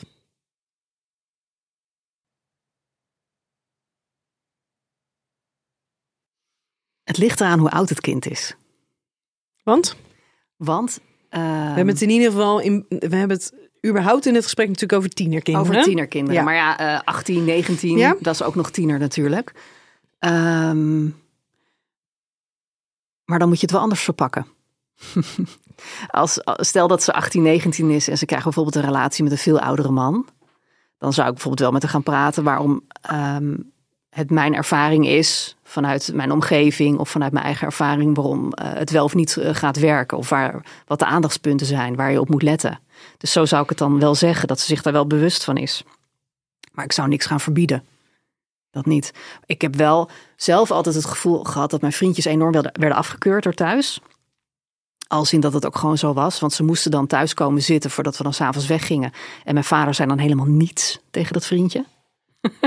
mijn moeder probeerde nog een soort van gesprek op gang te houden. Mijn vader zei helemaal niks. En pas mijn huidige man, die was helemaal oké. Daar zat mijn vader meteen mee te kletsen en dat was helemaal prima in orde. En niet dat dat heeft meegespeeld in mijn keuze, denk ik. Maar nou ja, dat is natuurlijk een ander uitgangspunt. Ook omdat we elkaar natuurlijk al zo lang kenden van school. En ik Ja. was natuurlijk zelf eh, al 21 toen we een relatie kregen. Dus dan heb je natuurlijk ook een ander moment dan wanneer je 16 bent. En dat er ineens zo'n eh, puber op zo'n brommer eh, bij jou thuis op de bank zit. Ik snap het, pap. Hoe zou jij er nu op reageren? ja, ja, ik zou het ook wat lastig vinden. Nee, maar dat, tuurlijk, tuurlijk. Je, je- dat is toch ook ja, jouw rol als moeder, vind ik. Dat je vanuit je eigen ervaring vertelt van... joh, ik heb ook een keer verkering gehad, dat ging zus en zo. En nou, toen uiteindelijk bleek eh, dit en dit, had ik dat maar geweten. Dus weet hè, dat als er bij jou zoiets aan de hand is... dat je daar even op moet letten. Maar ik, ik ga er niet verbieden om met iemand om te gaan... want dan wordt het alleen maar leuker en spannender. Ja. Of op er het waren ook zeker vriendjes die ik niet meenam naar huis. Of dat je dan krijg je op een gegeven moment de situatie dat als er inderdaad iets niet goed is of niet lekker loopt. En je hebt als ouder heb je dan gewaarschuwd Ja. ervoor, maar daar hebben ze het op dat moment niks mee gedaan. Dat ze het lastig vinden om, Om alsnog toe te geven, ja. toe te geven. Ja, je, ja, had je moet ook nooit zeggen, ik, zei het toch? Nee, ja, maar dat is natuurlijk ook heel lastig. Hè? Dat kinderen vinden het lastig om toe te geven dat hun ouders gelijk hebben. Mhm. Waardoor je dus alsnog weer een soort van in een onprettige situatie Ja, terecht maar daarom probeer ik, hè, dat zei ik in het begin ook al, ook toe te geven wanneer ik denk dat Ja. ik fout zit in iets. Dat ze dus zien dat die ruimte er is in een, in Ja, of een dat je ergens in vergist hebt. die in ieder geval. Ja. Ja. ja, ik vind dat, dat echt wel lastig. Want Hm. ehm, als je dus als, als ik kijk naar, naar de, de, de vriendjes die ik heb gehad. Het speelt namelijk wel mee in hoeverre je ouders daar positief of negatief op reageren. Mm. Het speelt natuurlijk ook mee in het beeld wat jij van Maar diegene maakt het dan die ander aantrekkelijk als ze slecht reageren of minder Ehm, aantrekkelijk? Nou, ik ben op een gegeven moment ben ik gaan, eh, gaan accepteren dat mijn moeder meestal gelijk heeft. dat ik dacht, oh ja, waarschijnlijk heeft ze Ja, hier ja. gelijk in. Dus ik kan hier nu tegen ingaan.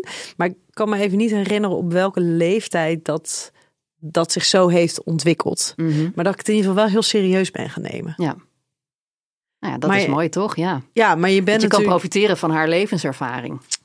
Ehm, ja, dat is zeker zo. Maar je bent natuurlijk wel anders als mens.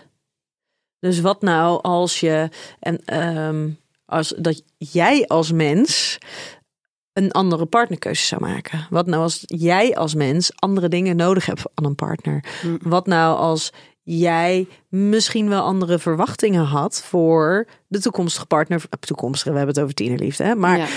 Ehm, over, de, over, de, over de vriendjes en over de verkering en de, de, de ervaringen die jouw kind op zou, zou doen. Mhm. Als jij je kind, als jij daar andere verwachtingen bij had. En dan degene met wie, hè, wie, wie je kind thuis komt, dat dat niet voldoet aan dat beeld wat jij had. Ja. Ik zit te denken, heb ik überhaupt een beeld? Ja, niet eigenlijk. Nee. Ik zeg wel eens gekscherend dat ik met mijn opa ben getrouwd. Mijn opa was een fantastische man in Ja. heel veel opzichten. En eh, mijn huidige man, die lijkt daar dus heel erg op. De goede dingen. Ja. Dus dat, dat was wel ehm, dat ik daar heel bewust naar op zoek was. Dat ik gewoon weet, dit vind ik heel prettig als een man die in die eigenschappen heeft.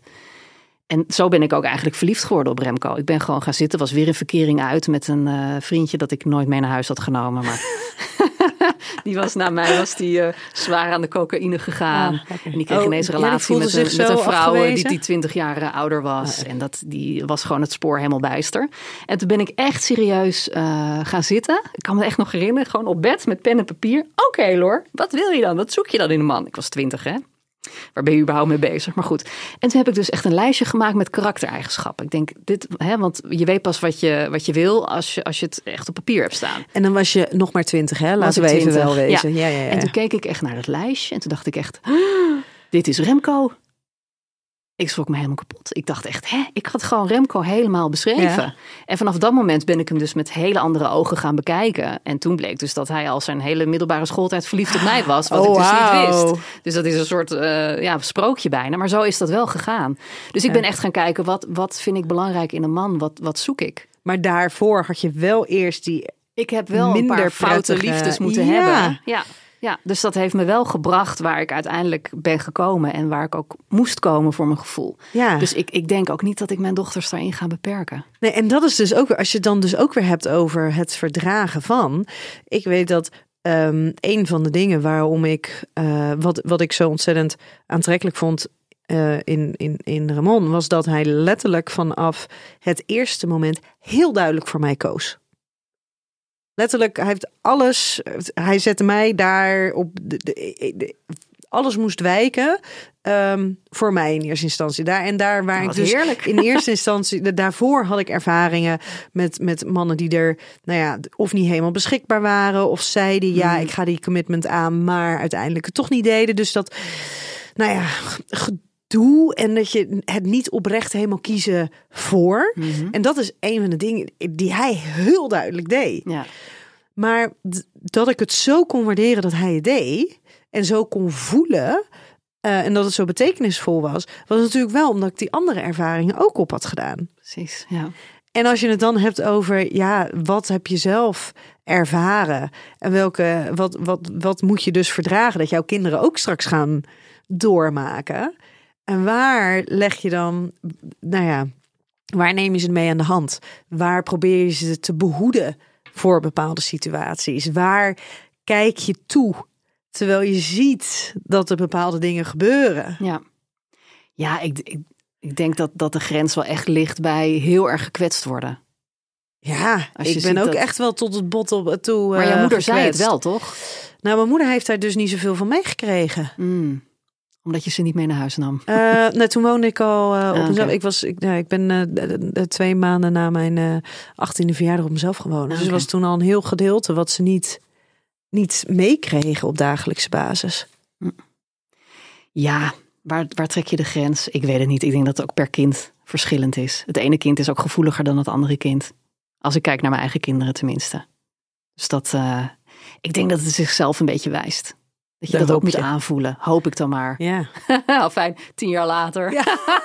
nou, we Bij gaan de over dochters bij een tien, motorbende. ja. over tien jaar gaan we dit gesprek nog eens Ja, voeren. ja. Misschien Laten kunnen we je dochters dan ook nog eens uitnodigen. Dat is misschien ook leuk voor de dynamiek. ja, dat je echt zo, oh mam, ja. dat. Hey, de volgende. Het is gezonder wanneer je kind dingen voor je achterhoudt, dan dat je kind alles met je deelt over diens relationele en seksuele ervaringen. Ja, dat denk ik wel. Er moet ook echt een stukje van, van hunzelf blijven. Dat denk ik echt. Ja. Ze mogen alles delen, maar het hoeft niet. Ja. Ik, ik deel mijn seksleven ook niet met mijn kinderen. Sowieso het idee dat papa en mama seks hebben. Eeuw! Hebben ze jullie wel eens betrapt? Nee, nee, nee, nee. Nee, nee, nee, niet dat je weet in ieder Nee, geval. nee, niet dat ik weet. Nee, nee, sowieso. We slapen nu ook op een hele andere verdieping. Dus er moet eerst eh, moeten, ze, moeten ze nog een trap oplopen. Dus dat merk je wel. Nee, tuurlijk niet. Nee, daar moet ik niet aan denken. Dat lijkt me heel gek. Maar aan de andere kant, ja. Ze mogen wel een knuffel en een kus zien natuurlijk. Oh, toch wel. Ja, Nee, maar d- dat is namelijk, als je het dus weer hebt, je mag alles vertellen, maar je hoeft niet alles nee, te dat, vertellen. Ja. Ik denk dat er ook wel heel veel waarde zit in niet alles vertellen. Nee. nee, dat denk ik ook. En dat ik het soms ook best wel ehm, bijzonder vind om te zien dat sommige ouders dan een soort van heel trots zijn over dat hun kind hun alles vertelt.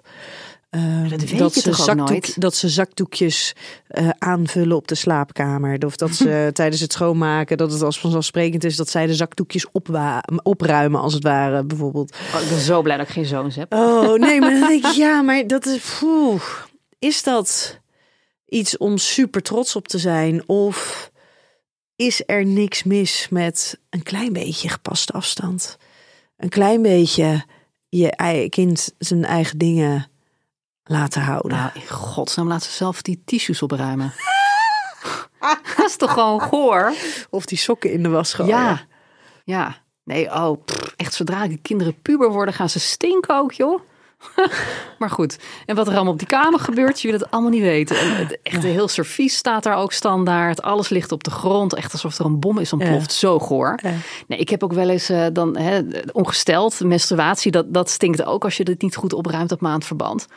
En dan stinkt die hele badkamer weer. En dan zeg ik, joh, ik zeg, volgende keer zet ik die prullenbak op je kamer, hè? dat heb ik echt wel eens gedaan. Oh, lekker. En dan heb ik er wel van tevoren een foto. Want ja, ze kwam toen wel met een vriendje naar de kamer. Ik zeg, kijk uit Jules, de prullenbak staat in je kamer. Succes. ja, dat vind ik zo goor. Dan denk ik, ik, ik, ik, ik zit in die stank. Ik bedoel, het is haar zooi. Nee zeg, zelf opruimen. Kom nou. Ja. En dat doet ze dan ook wel. Maar ja, die tien keer daarvoor dat ik het heb gevraagd, alweer niet. Dus dan moet je wel even een soort ludieke actie ondernemen. En natuurlijk, kijk, als het appje niet had gezien, dan had ik hem ook wel weggehaald, die prullenbak. Want dat wil je natuurlijk niet. Maar eh, nee, dus echt. Dan zet je haar wel heel erg voor het blok op zo'n moment. Ja, maar nadat we echt al hele discussies erover gehad Oh, hebben. dus en iedereen er last van heeft. En dat ik ook echt zeg, let op, volgende keer zet ik hem op je kamer. hè. Ja, prima. Nou ja, dan doe ik dat dus ook. Daar Ja. moet je ook wel weer consequent in zijn. Ik waarschuwde wel. Maar eh, ja, dan moet je dat wel doen. Ja. Hey, en stel zij, eh, want inderdaad, met, met, met als je een zoon hebt, dan zijn het de zakdoekjes of de sokken die je tegenkomt. Ehm, als je een, een, een dochter hebt, dan zal dat, nou ja, hoeft dat niet per se, zeker niet. Maar als zij eh, bijvoorbeeld haar, haar eerste vibrator, is dat iets waarvan je denkt, dat moet ze lekker zelf, zelf misschien een beetje stiekem ehm, bestellen ergens of kopen. En dat moeten ze lekker voor zichzelf houden. Geen of, idee. Vanaf welke leeftijd hebben kinderen dat? Oh, sowieso het woord Ja, kinderen in kinderen. deze zin. Nou ja, nee, het zijn jongeren. tieners, jongeren. Jongeren, Ja. ja. jongeren. Ja, ik snap dat het, woord Ja. kind dan misschien wat, wat, wat onprettig is. Nou ja, jongeren. Ja, vanaf welke leeftijd begint dat? Want dat is een discussie die we nog niet gevoerd hebben thuis. Nee, ik, eh, als ik naar mezelf, ik denk dat ik, denk 16, 17 was toen er voor het eerst een vorm van speeltje kwam. En het was echt een waardeloos plastic ding hoor. Ik deed er ook niet zo Op die leeftijd vroeg ik mij nog oprecht af wat die massagestaven waren op de foto in de weekkamp. Oh ja, de Magic die vrouwen Wand. altijd tegen Ja. hun wang hielden. Ja, Ik dacht wat is dat toch Ik man? was laatst bij een masseur en die gebru- gebruikte dus de Magic Wand echt oprecht als massageapparaat. Nou, ik moest zo hard was er geen lachen. happy ending eh, En, optie? en, en, normaal gesproken, nou ja, of niemand heeft het ooit eerder tegen hem gezegd, omdat ze toch een soort van zich ongemakkelijk en voelden. hij dacht, of massagestaaf. hij was het niet, was zich er niet van bewust, of mensen zagen het gewoon echt oprecht niet. Dus ik zei, ik zeg, heb jij nou de Magic Wand? En toen begon hij heel hard te lachen. Ik zei, ja, sorry, het is mijn vakgebied. Dus ja, ik Oh, weet dat dit de Magic Wand is. Heeft hij hem gebruikt op je? Ja, ja, ja, ja, ja. En hij ging vervolgens ook, maar dit is echt een hele goeie. En Het Ja. was ook een hele zware. En echt, eh, ja, ja, ja, ja. maar niet, niet in de schaamstreek. Gewoon Ja, nee, op mijn rug en op mijn Hm, schouders. ik zou het maar ook zeggen als ik wel, was, ik maar inderdaad ja. de magic wand. Ja. Maar dat is dus ook zoiets van, ja, Ja. Ik, mijn moeder die heeft nooit geweten dat ik dat Nee, had. nee. Eigenlijk wist mijn moeder wist en weet echt van mijn seksuele leven heel weinig. Dat heeft ze altijd gedaan. Ja. Ja, ik weet het niet. Ik denk als ze erover wil praten, tuurlijk. Maar dat is niet iets waar ik me, eh, vanuit mezelf over ga beginnen. Van, goh, wanneer wil je je eerste vibrator? Was ook een leuk verjaardagscadeau geweest. Ja, ik weet wel dat mijn- toen mijn broer, toen die 18 werd, eh, mijn oudste broer, en mijn broer en ik schelen eh 10 jaar, ehm, toen kreeg hij de Playboy voor zijn verjaardag van mijn ouders. Oh, Met als schijntje en met nog andere cadeaus hoor. Maar Ja. dat was dus wel, ja. toen zei hij, oh, deze heb ik al. Nee, maar dat is dan wel eventjes zo'n momentje van, Ja. oh ja, nu ben je 18. Dus Ja. je mag een soort van toestemming geven. Je mag hier interesse in hebben. Ja, ja. Als 18 als grens. Nou ja, weet ik niet. Maar dat was in ieder geval, was dat een, ja. Ja, maar dat heeft, als, als een jongen dat krijgt, heeft dat ook wel weer iets grappigs of zo. Ja, maar waarom dan weer een jongen wel en een meisje niet? Ja, wat is dat? Maar wat geef je dan een meisje? Ja, weet ik, vind niet. het ook gênant om, het is ook gênant om van je ouders een vibrator te krijgen. Ja, voor je ouders misschien wel, maar misschien kan je het wel eh, nou ja, op een iets andere manier aanpakken. Ja, hoe Ja. dan? Nou Ja, misschien wel. eh, tegenwoordig heb je bijvoorbeeld zoiets als Easy Toys natuurlijk ook voor Mm, oh, ja, ja. ehm, jongeren best wel heel erg toegankelijk. Ja. En dat je dan misschien, weet ik veel, een, een cadeaubon of zo geeft. Of via vrienden of zo. Zoiets. ja, ja. Maar dat je als het ware een soort van... cadeaubon vind Ja. ik wel een goed idee. Dat je een Ja. soort van, in ieder geval een teken geeft van, het, is oké. Ja. ja, ik snap wat je bedoelt. Ja, nou, dat is wel goed. En vanaf welke leeftijd is dat ongeveer? Eh, ja, 16? misschien, nou ja. 17? Ja, aan- jij bent de expert, Ja, hè? ja, maar het is een beetje lastig, want in principe de solo eh, of de, de sekscarrière van jongeren beginnen over het algemeen telkens weer wat later. Mhm.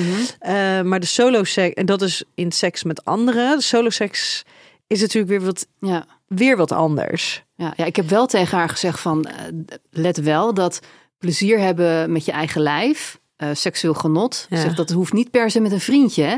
kan je zelf ook allemaal prima regelen. Dat heb ik toen gezegd toen de verkering uit was. Ik zeg, joh, eh, daar heb je echt geen man voor nodig, hè? Dat weet je wel. Ja, man, dat weet ik wel. Ja, dus het, ja. Ja. Dus het, het begin is er van het gesprek. Maar ik vind het wel moeilijk hoor, om dat dan te bespreken. Maar zo'n cadeaubon vind ik wel een hele goeie. Zoiets. Ja, ik denk dat mijn man helemaal gek wordt bij het idee. Ja, en je moet je, ook, je moet je ook nog niet vergissen wat die dingen kosten. Dus als jij dan Ja. een cadeaubon van 20 euro denkt te geven, want dan Ja. denk je, oh, daar kan ze vast wel wat van vinden. Dan maar dan kan ze, dat, dat is echt. eh, Nee. Dus dan heeft ze weer waarschijnlijk de ervaring dat ze een, een rammelend plastic eh, ding eh, Oh, dat wil je ook krijgt. niet. Nee. Terwijl aan de andere kant, ja, maar zijn, zijn de meeste mensen daar niet mee begonnen? Een plastic rammelend ding? In plaats van een heel wel, ja. mooi. Dus ja, is dat. Ja, Ja, ik weet niet. Ik, ik heb volgens mij mijn eerste speeltje pas eh, ergens na mijn dertigste gekocht Oh of ja. zo. Dus, Ja, en eh, met jou nog heel veel. Hè? Echt waar. Ja, dat is absoluut niet uitzondering. Nee. Nee, nee. nee. Hey, de laatste ehm, stelling. Des te meer informatie over seksualiteit en relaties je als ouder meegeeft, des te meer vertrouwen geef jij je kind om passende keuzes te maken. Ja, dat denk ik wel. Ja. Is het iets wat jij en jouw man heel bewust hebben afgesproken? Dit is wat we gaan. Dit is wat we gaan meegeven. Dit is hoe we het gaan doen. Dit is wie welke rol daarin krijgt. Ja, nou, ik, ik vind het heel moeilijk om te praten over seksualiteit met mijn kinderen. Maar mijn man vindt het zo mogelijk nog moeilijker. Oh. dus het is wel een beetje mijn taak.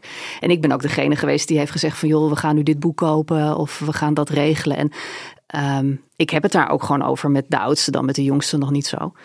Um, dus dat, ja, ik, ik, probeer er wel heel erg open in te zijn. Maar ik ben wel voor mijn gevoel de enige die het doet. Maar aan de andere kant, als er echt iets is, dan kan ze ook voor alles bij de vader terecht. En dat weet ze ook. Ja, zou dat, want jullie hebben twee dochters? Ja. ja. Zou dat anders zijn? Is dat anders voor mannen op het moment dat ze dochters hebben? Is het anders als ze zonen hebben? Want dan zijn natuurlijk wel weer onderwerpen. Ik denk, ik denk het wel. Kijk, als ik een zoon zou hebben, zou ik niks weten over ochtenderecties of uh, weet ik veel, uh, natte dromen. Dat, dat weet ik gewoon niet. Dus dat weet je als man meer. En ik weet als vrouw meer um, hoe het is om ongesteld te worden. Hoe je dan kan voelen op zo'n moment. Dat, dat weet hij ook niet. Maar het is wel zo dat hij is opgegroeid met drie zussen. Dus hij weet wel heel veel. ja. Hij is daar ook gewoon wat, wat, wat, wat vrouwelijker in. Omdat dat gewoon natuurlijk de, de modellen zijn die hij heeft gezien in zijn jeugd. Ja, maar hij is niet comfortabel om het te bespreken. Nee, maar ik denk ook omdat ik het ook al doe, dat het dan niet zo hoeft. Ja, maar het is natuurlijk wel van een ander perspectief. Nee, maar hij, hij, is wel degene die roept door het huis. Uh, ja, heeft er nog iemand tampons nodig? Welke maat? Weet je, dat, dat, dat wel gewoon. Wel. Dus dat, ja. dat is niet een, een taboe of zo. Ja. Maar hij gaat niet even voor een goed gesprek uh, zitten of zo. Dat, uh, maar dat, ja, het is ook nog niet echt nodig geweest, snap je?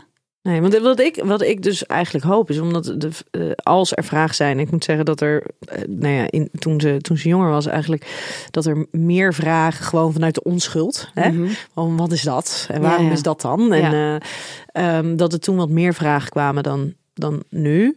Um, want ze heeft vorig jaar kwam er met, met was met Sint kreeg ik van mijn moeder een, een boek uh, met het idee van nou dan dit is een nieuw boek wat verschenen is. Dus dus nou ja vind ik het misschien interessant uh, of voor je werk of nou ja voor uh, voor Doutzen en dat uh, dat Doutzen na afloop zei um, dat boek wat je hebt gekregen van oma um, ik vind dat wel een beetje gek dus heel duidelijk soort van. Eeuw. Ja. Nee, daar, daar ben ik helemaal nog niet mee bezig. Maar nee. wat ik wel hoop eigenlijk is dat ik kan natuurlijk van alles, ik kan van alles vertellen.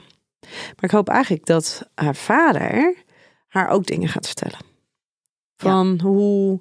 Uh, hoe jongens kunnen denken. Precies, hoe ze dat. zich mag opstellen ja. naar jongens toe. Want ik kan wel zeggen, ja, je mag nee zeggen. Mm -hmm. um, maar hoe krachtig is het als je vader zegt: hey, ik heb ook wel eens een situatie gehad waarvan ik een meisje ontzettend leuk vond. En um, nou ja, dat ik, ja, dat ik het eigenlijk heel fijn vond dat ze zei dat ze niet wilde. Zodat ik ook niet iets kon doen waar ik later spijt van zou krijgen. Ja, ja het probleem is, het probleem dat hij voor mij nooit uh, verkering heeft gehad. Nee, maar goed. Dus uh, alle ervaringen die we ja. hebben zijn gedeelde ervaringen. Of die hij heeft. Uh, ja, maar zeggen. vanuit zijn perspectief ja, zal het ja, natuurlijk tuurlijk. wel anders zijn dan die van jou. Of alleen al het feit dat hij dus dat jij zijn eerste seksuele partner bent geweest. Hoe wat dat voor betekenis heeft gehad. Tuurlijk. Uh, ja, maar dat, dan gaat het meer over serieuze relaties. En, en zover was nee, nog niet op de veertiende. Dus dat, tuurlijk gaat dat wel komen, dat, uh, dat component. Dat weet ik zeker. Maar dat is gewoon nog niet echt aan de orde geweest nee. bij ons. Maar ik denk juist dat, dat het dan zo mooi en waardevol kan zijn als mannen, als Tuurlijk, vaders, ook ik, voor hun dochters. Ja, maar naarmate ze ook ouder worden, de dochters, gaan ze ook meer naar hun vader trekken. Omdat dat zeg maar de, de man in hun leven is op dat moment, waar ze ja, hun relatie aan gaan spiegelen. Ja. Dus ik denk dat dat vanzelf komt, dat moment. Ja, op het moment dat jouw man zich er dus van bewust is, hé, uh, hey, hier moet ik dus wel even bewust van zijn. Ja als er een haakje is of als ze een vraag stellen, dat ik niet doorschuif, vraag maar aan je moeder. Ja, nee, dat doet hij ook niet. Uh, Tuurlijk, maar, nee, maar dan gaat nee, hij gewoon maar er zijn natuurlijk hè, in, in bredere zin voor ja. heel veel, heel veel uh, nee, vaders, ja. dat je dus je bewust bent. Ja, maar ook al doet, doet de moeder bijvoorbeeld het meeste van, van deze vragen. Dat het super interessant is om dit soort gesprekken ook juist. Ja, maar dat hebben we het ook gewoon over aan, de, aan tafel. Van uh, joh, dat uh, weet je vader beter, hoe jongens erover ja. denken. Tuurlijk. Ja.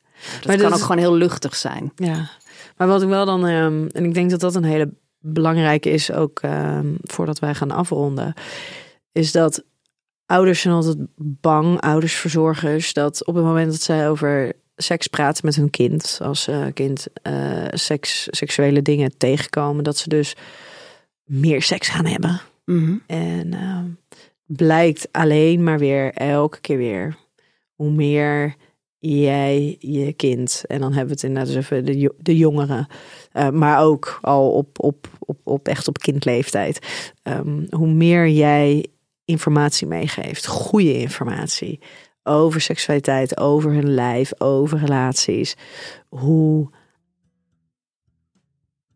ehm, hoe ja, beter, hoe prettiger de keuzes zijn die ze maken. Ja. Hoe meer vertrouwen ze hebben in dat er überhaupt opties zijn. Tuurlijk, want als je Ze meer zelfvertrouwen hebt, je hebt meer kennis, dan kan je betere keuzes maken. Ja, en je weet dat je keuzes mag maken. Je weet wat de opties zijn. In plaats van dat je eh, denkt: hé, hey, ik sta, ben nu in een situatie. En dit is nou eenmaal het script van de situatie. Dit is hoe het nu moet gaan verlopen. In plaats van weten: oh ja, maar ik ben nu in deze situatie, maar ik heb alsnog opties. Ja, precies. Maar dat is ook wat ik ze constant probeer Ja. te geven. Hè? Dat is ook het, het x'je wat wordt geappt van ik kom je nu uit die situatie halen. Ze hebben altijd keuzes. Ik vind dat wel een hele mooie, inderdaad. Gewoon een, een X. Maar ja, eh, daar denk je: oh, wat lief, een kusje. Nee, nee Eh. dan weet ik wel hoe laat het is hoor. Maar dat vind ik wel een hele mooie. Van ja, als ik je moet komen helpen, laat het me weten. Ben me geen uitleg verschuldigd. Ik kom eraan. Precies. Ik denk dat het hele mooie is. Ja. ja, ik hoop dat het nooit nodig is. Maar de optie is er. Ja. Ja, En misschien gaat ze het wel heel vaak doen. Nou ja, prima. Ja. Dat zien we dan alweer. Misschien ga ik die wel toevoegen inderdaad aan een stukje. Je hoeft me niet alles te vertellen, zolang je maar vertelt datgene wat je aan niemand anders durft te vertellen. Ja. Hey Hannelore, dank je wel voor dit gesprek. Jij bedankt. Leuk dat ik er mocht zijn. Ja, super fijn dat je er was. En lieve luisteraar, tot de volgende keer bij een nieuwe aflevering van Seks, Relaties en Liefdes.